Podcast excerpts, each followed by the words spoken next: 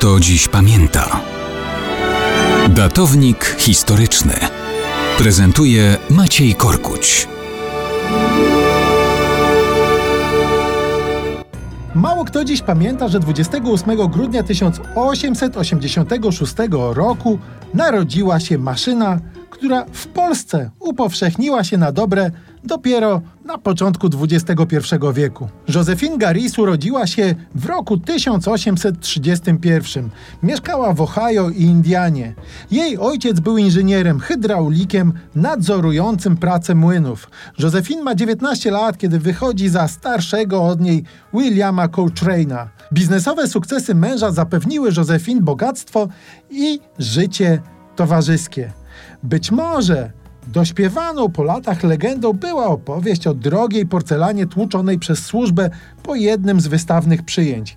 Józefine zapewne miała, jak to się mówi, smykałkę do maszyn.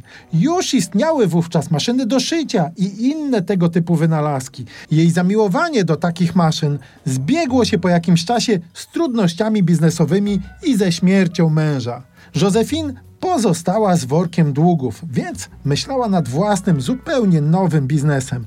Opracowała konstrukcję okrągłego drucianego kosza umieszczonego wewnątrz miedzianego kotła. W druciane przegródki wkładała talerze i inne naczynia. Specjalny mechanizm, początkowo ręczny, obracał kosz z naczyniami, pompując gorącą wodę z mydlinami. To miała być zmywarka do naczyń. Trudno było tym kogokolwiek jednak zainteresować. W końcu połączyła siły z George'em Battersem. Z czasem mechanizm został ulepszony, połączony z silnikiem parowym. 28 grudnia 1886 roku taka zmywarka została opatentowana. Zwykli ludzie długo jeszcze nią zainteresowani nie byli, ale udało się patent zaszczepić w hotelu, a potem w kolejnym. Przyszły nagrody na wystawach i budowa fabryki w opuszczonej szkole.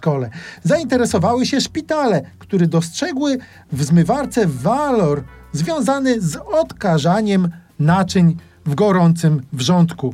Biznes się rozwijał. Po śmierci wynalazczyni firma została wykupiona i działała przez lata jako Kitchen Aid, a potem jako Whirlpool Corporation. Co ciekawe, istota zasady działania zmywarek opatentowana 135 lat temu jest wciąż podstawą ich funkcjonowania dzisiaj.